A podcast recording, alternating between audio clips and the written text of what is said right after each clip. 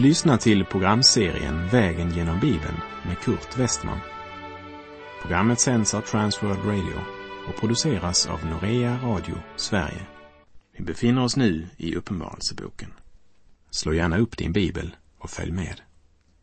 Ja, vi är nu inne på vår sista vandringsetapp på vår väg genom Bibeln.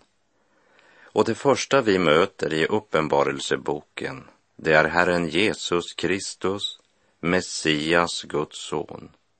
Personen Jesus, Frälsaren. Vi ser Kristus i hans gudomliga ära och makt. Vi ser honom som överste prästen som är överhuvudet för Kristi kyrka.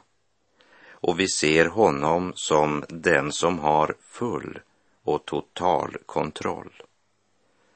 Vi avslutade förra programmet med att påminna om banden mellan Första Mosebok och Uppenbarelseboken som är de första och sista böckerna i Bibeln.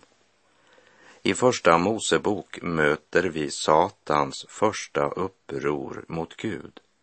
I Uppenbarelseboken möter vi Satans sista uppror mot Gud. Men alla bibelböckerna är teocentriska och kristocentriska eftersom personen Kristus är huvudtemat i hela skriften. Och därför ska vi ha Kristus i våra tankar genom varje bibelbok och speciellt i Uppenbarelseboken. Vi läser Uppenbarelseboken 1, vers 1 och 2.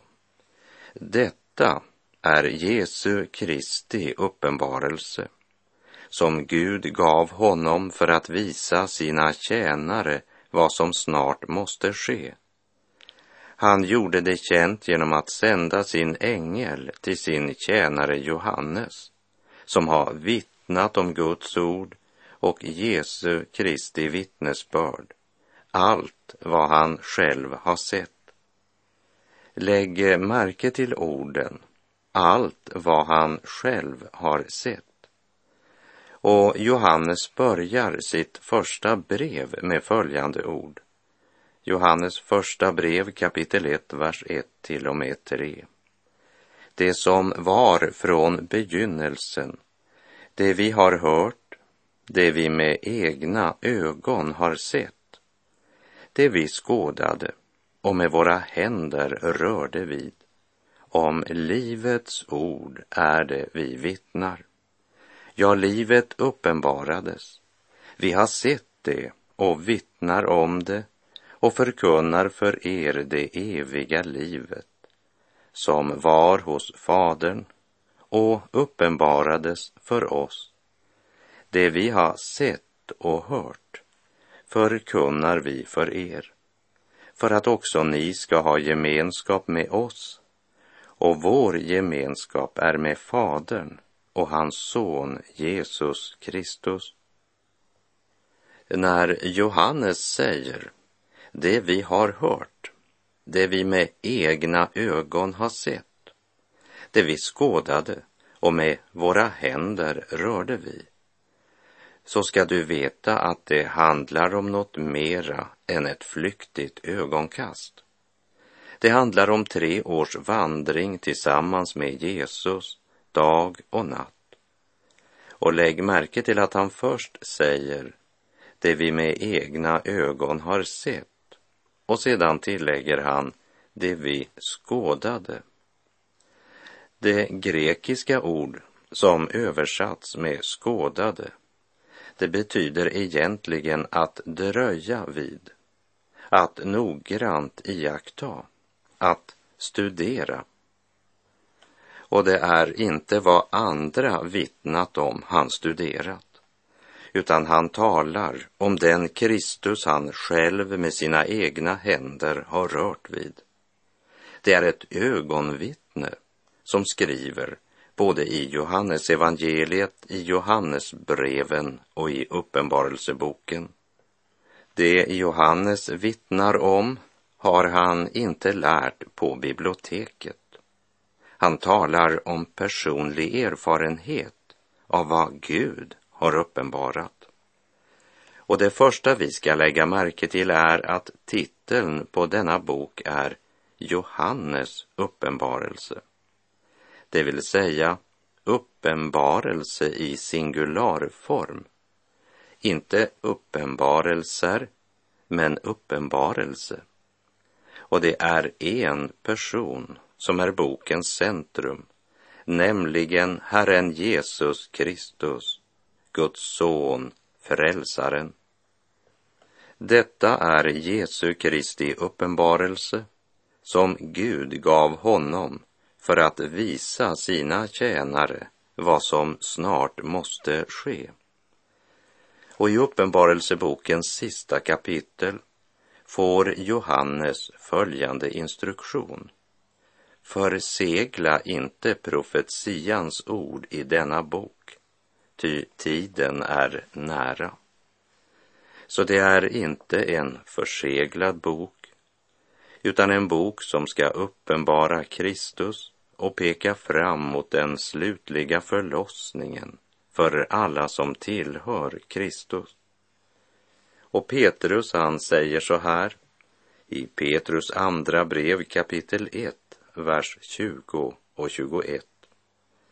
Framför allt ska ni veta att ingen profetia i skriften har kommit till genom någon människas egen utläggning. Ty ingen profetia har burits fram genom någon människas vilja, utan ledda av den helige Ande har människor talat vad de fått från Gud. Vi tolkar inte ett textavsnitt endast genom dess text, men genom att sätta in den i skriftens samlade vittnesbörd. Den tolkas och förstås i ljuset av hela Guds ords vittnesbörd. Det är inte drömmar eller illusioner Johannes förmedlar. Det är eviga verkligheter. Och därför så ska vi be att vår Herre Jesu Kristi Gud, härlighetens fader, ska ge oss vishetens och uppenbarelsens ande så att vi får en rätt kunskap om honom. Detta är Jesu Kristi uppenbarelse som Gud gav honom för att visa sina tjänare vad som snart måste ske. Bibelns sista bok pekar framåt och den ger oss det eviga, gudomliga perspektivet på vårt liv och vår framtid. Ja, här lyfts vår blick mot den eviga förlossningen. Boken har totalt förändrat mitt syn på livet. Under många år har jag sagt att eftersom mitt mörka hår blivit grått eller rättare sagt helt vitt så lever jag i livets höst. Men det är inte sant. För jag lever i mitt livs vår. Jag är på väg mot min eviga förlossning. Därför känner jag tillförsikt, förväntan, ja, en brinnande längtan inför studiet av de höststormar och den vinterkyla som ska föregå vårsolen och blomstringen. Genom Uppenbarelsebokens budskap önskar Gud säga oss att vi ska inte blunda för höststormarna och den vinterkyla som han kallar för födslovåndorna, utan lyssna till vad han har att säga så att vi kan känna igen allt detta när det sker. I Matteus 24 verserna 29 till och med 33 säger Jesus. Strax efter de dagarnas nöd skall solen förmörkas och månen inte ge sitt sken. Stjärnorna skall falla från himlen och himlens krafter skall skakas. Då ska Människosonens tecken synas på himlen och jordens alla folk skall jämra sig. när de ser Människosonen komma på himlens moln med stor makt och härlighet. Med stark basunljud ska han sända ut sina änglar och de skall samla hans utvalda från de fyra väderstrecken, från himlens ena ända till den andra. Lär av en jämförelse med fikonträdet.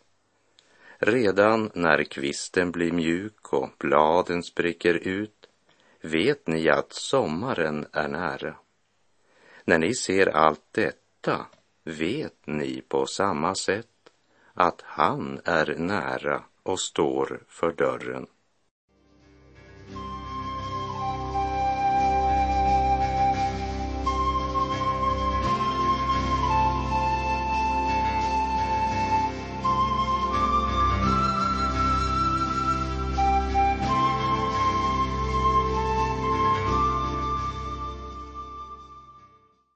Detta är Jesu Kristi uppenbarelse som Gud gav honom för att visa sina tjänare vad som snart måste ske. Han gjorde det känt genom att sända sin ängel till sin tjänare Johannes, som har vittnat om Guds ord och Jesu Kristi vittnesbörd, allt vad han själv har sett. Jesu Kristi uppenbarelse som Gud gav honom. Det är inte Johannes som uppenbarar vad som ska ske. Men det är Gud som låter sin tjänare Johannes få en inblick i vad som ska ske i en kommande framtid. Varför uppenbarar Gud detta? För att visa sina tjänare vad som snart måste ske. Är du ett Guds barn? Är du en som tjänar Herren och som lever och vandrar i tron? Då är detta ett budskap till dig. Många har spekulerat över budskapet i den här boken. Och jag måste säga att mycket av det som skrivits om uppenbarelseboken gör mig bara mera förvirrad. Så låt oss istället läsa denna bok med en bön om att vi får nåd att vara sådana som med våra liv och våra handlingar i vardagen tjänar Herren. För det är bara Herrens tjänare som budskapet ska bli uppenbart för. Hör vad Paulus skriver i Första Korinterbrevet 2, verserna 5 till och med 13. Vi ville inte att er tro skulle bygga på människors visdom utan på Guds kraft. Vishet förkunnar vi emellertid bland det fullkomliga. En vishet som inte tillhör den här världen eller den här världens härskare som går mot sin undergång. Nej, vi förkunnar Guds hemliga vishet den vishet som är fördold och som Gud från evighet har bestämt att bli till härlighet för oss. Denna vishet har ingen av den här världens härskare känt. Om de hade känt den skulle de inte ha korsfäst härlighetens Herre. Men vi känner, som skriften säger, vad intet öga har sett och örat inte hört och människohjärtat inte kunnat ana vad Gud berett åt dem som älskar honom. Ty för oss har Gud uppenbarat det genom sin ande. Anden utforskar allt, också djupen i Gud. Vem vet vad som finns i människan utom människans egen ande, så vet heller ingen vad som är i Gud utom Guds ande. Men vi har inte fått en världens ande, utan den ande som är från Gud, för att vi ska veta vad vi har fått av Gud. Detta förkunnar vi också, inte med ord som mänsklig visdom lär, utan med ord som anden lär, när vi återger andliga ting med andliga ord. Låt oss nu öppna våra sinnen och våra hjärtan. Lyssna till vad Gud har att säga genom att han sände sin ängel till sin tjänare Johannes som har vittnat om Guds ord och Jesu Kristi vittnesbörd, allt vad han själv har sett. Johannes var ett ögonvittne som under tre år vandrat med Jesus och som nu med jordiska bilder återger den verklighet han fått skåda in i när Gud sände sin ängel för att visa sina tjänare vad som snart ska ske. Johannes både såg och hörde. Syn och hörsel, det är ju två av de huvudkanaler genom vilka vi får information. Och ibland undrar jag om inte Johannes också kände doften av allt detta som han fick del av på ön Patmos. Vi läser Uppenbarelseboken 1, vers 3. Salig är den som läser upp och saliga är de som lyssnar till profetians ord och tar vara på det som är skrivet i den, ty tiden är nära. I den engelska King James översättning så är det översatt Välsignad är den som läser upp och välsignad är det som lyssnar till profetians ord och tar vara på det som är skrivet i den. Det följer en särskild välsignelse, en salighet med att läsa budskapet i Uppenbarelseboken. Och det följer välsignelse med att lyssna till Uppenbarelsebokens budskap. Och med det som riktmärke ska vi ödmjukt vandra genom dess färgstarka och fascinerande landskap och lita på att när Gud säger att den som lyssnar till profetians ord i denna bok och tar vara på det som står skrivet i den är salig, så vandrar vi vidare med stor förväntan. Gud är god.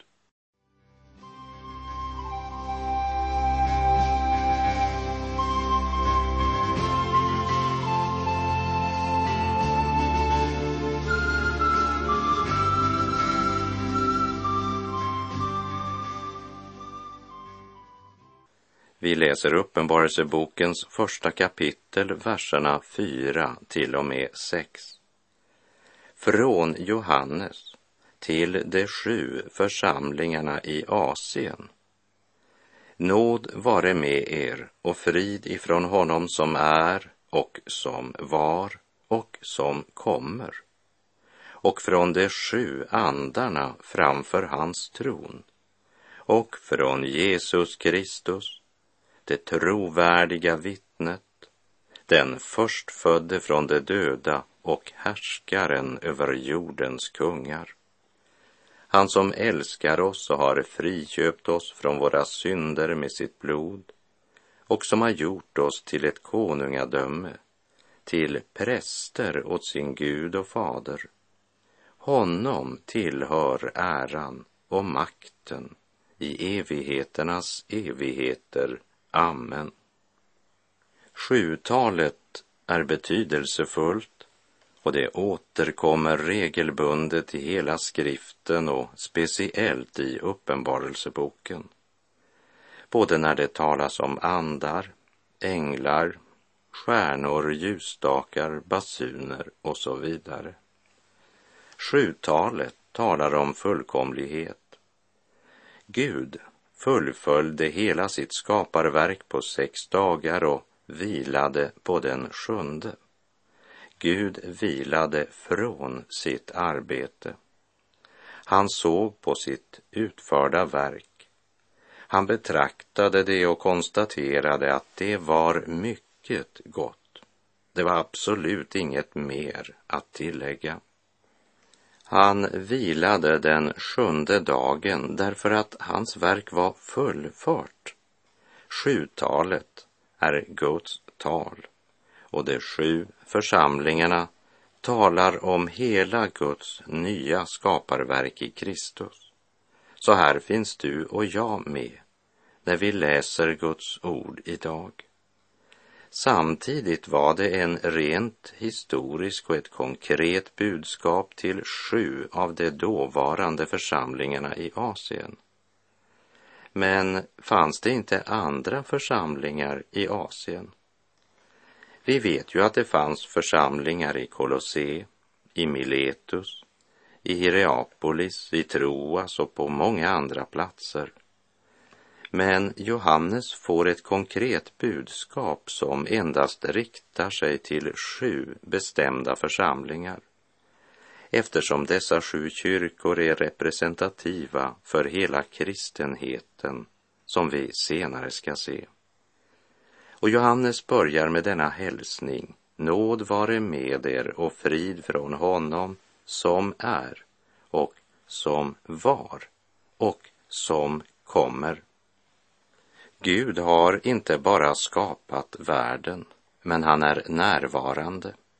Och en dag ska det bli synligt och uppenbart för alla när han kommer åter som domaren för det ogudaktiga och som frälsaren för Jesu efterföljare. Gud har skapat människan till sin avbild och adlat henne med ansvar att välja sitt eviga livsöde utan att Gud annullerar valet och valets konsekvenser. Gud tvingar aldrig människan in i sin vilja. Han kallar i sin kärlek, men han tvingar aldrig. Han som är och som var och som kommer talar om den suveräne evige Gud vars vilja suveränt kommer att genomföras när han till sist upprättar sitt rike. Och som jag tidigare nämnt i Första Mosebok möter vi Satans första uppror mot Gud. I Uppenbarelseboken möter vi Satans sista uppror mot Gud. I Första Mosebok kommer synden in i världen. I Uppenbarelseboken drivs synden för alltid bort från Guds värld. I Första Mosebok uttalar Gud sin dom över Satan. I Uppenbarelseboken blir denna dom verkställd. Lägg märke till treenigheten Johannes här beskriver. Först nämner han honom som är och som var och som kommer. Så nämner han de sju andarna som talar om den helige ande som verkar mitt i församlingen. Därefter nämner han Jesus Kristus, det trovärdiga vittnet, den förstfödde från de döda han som älskar oss och har friköpt oss från våra synder med sitt blod. När Gud skapar något nytt är hela treenigheten närvarande. Och den bild som Uppenbarelseboken ger av Kristus har sina rötter och sin kraft i Bibelns samlade vittnesbörd. Han som älskar oss och har friköpt oss från våra synder med sitt blod. När den sista dagen ska komma har Gud inte uppenbarat för någon människa. Däremot har han uppenbarat vad som ska ske innan den dagen kommer. I Matteus 24, verserna 11 till och med 14 läser vi. Många falska profeter ska träda fram och bedra många. Och eftersom laglösheten tilltar kommer kärleken att svalna hos de flesta. Men den som håller ut intill slutet skall bli frälst.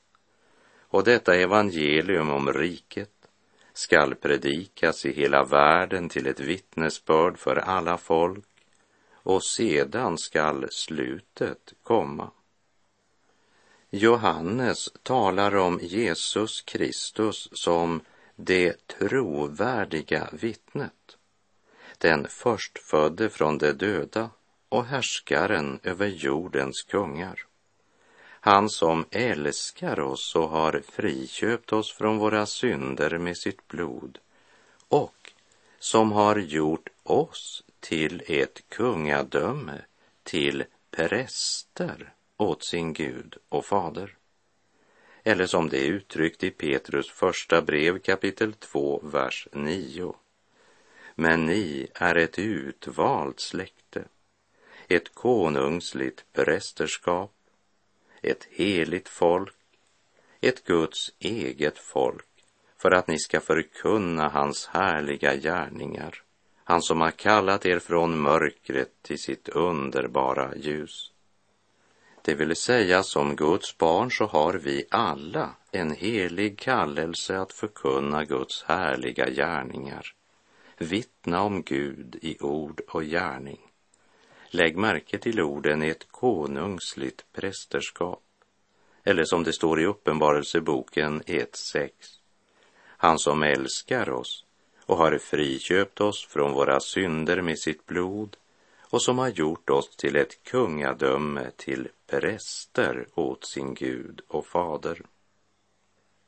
Det talar om helt vanliga kristna, människor från alla olika samhällsgrupper som har kommit till tro på Kristus, Messias. Det allra heligaste i helgedomen, som tidigare endast var tillgängligt för några få utvalda.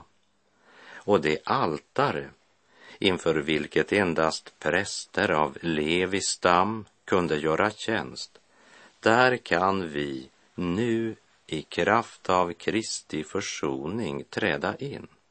Ja, vi inte bara kan, men det är vår kallelse att göra det. Frälsningen är inte bara ett hopp som uppfylls efter döden.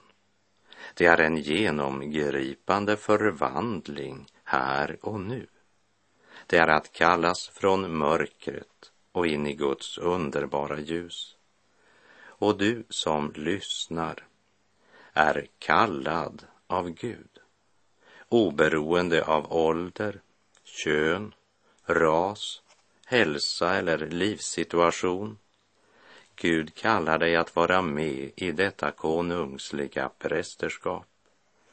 Han som älskar oss och har friköpt oss från våra synder med sitt blod och som har gjort oss till ett konungadöme, till präster åt sin Gud och fader. Honom tillhör äran och makten i evigheternas evigheter. Amen. Och med det så är vår tid ute för den här gången.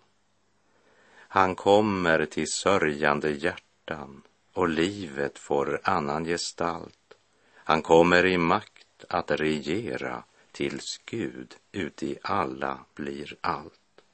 Honom tillhör äran och makten i evigheternas evigheter. Amen. Herren vare med dig. Må hans välsignelse vila över dig Gud är god.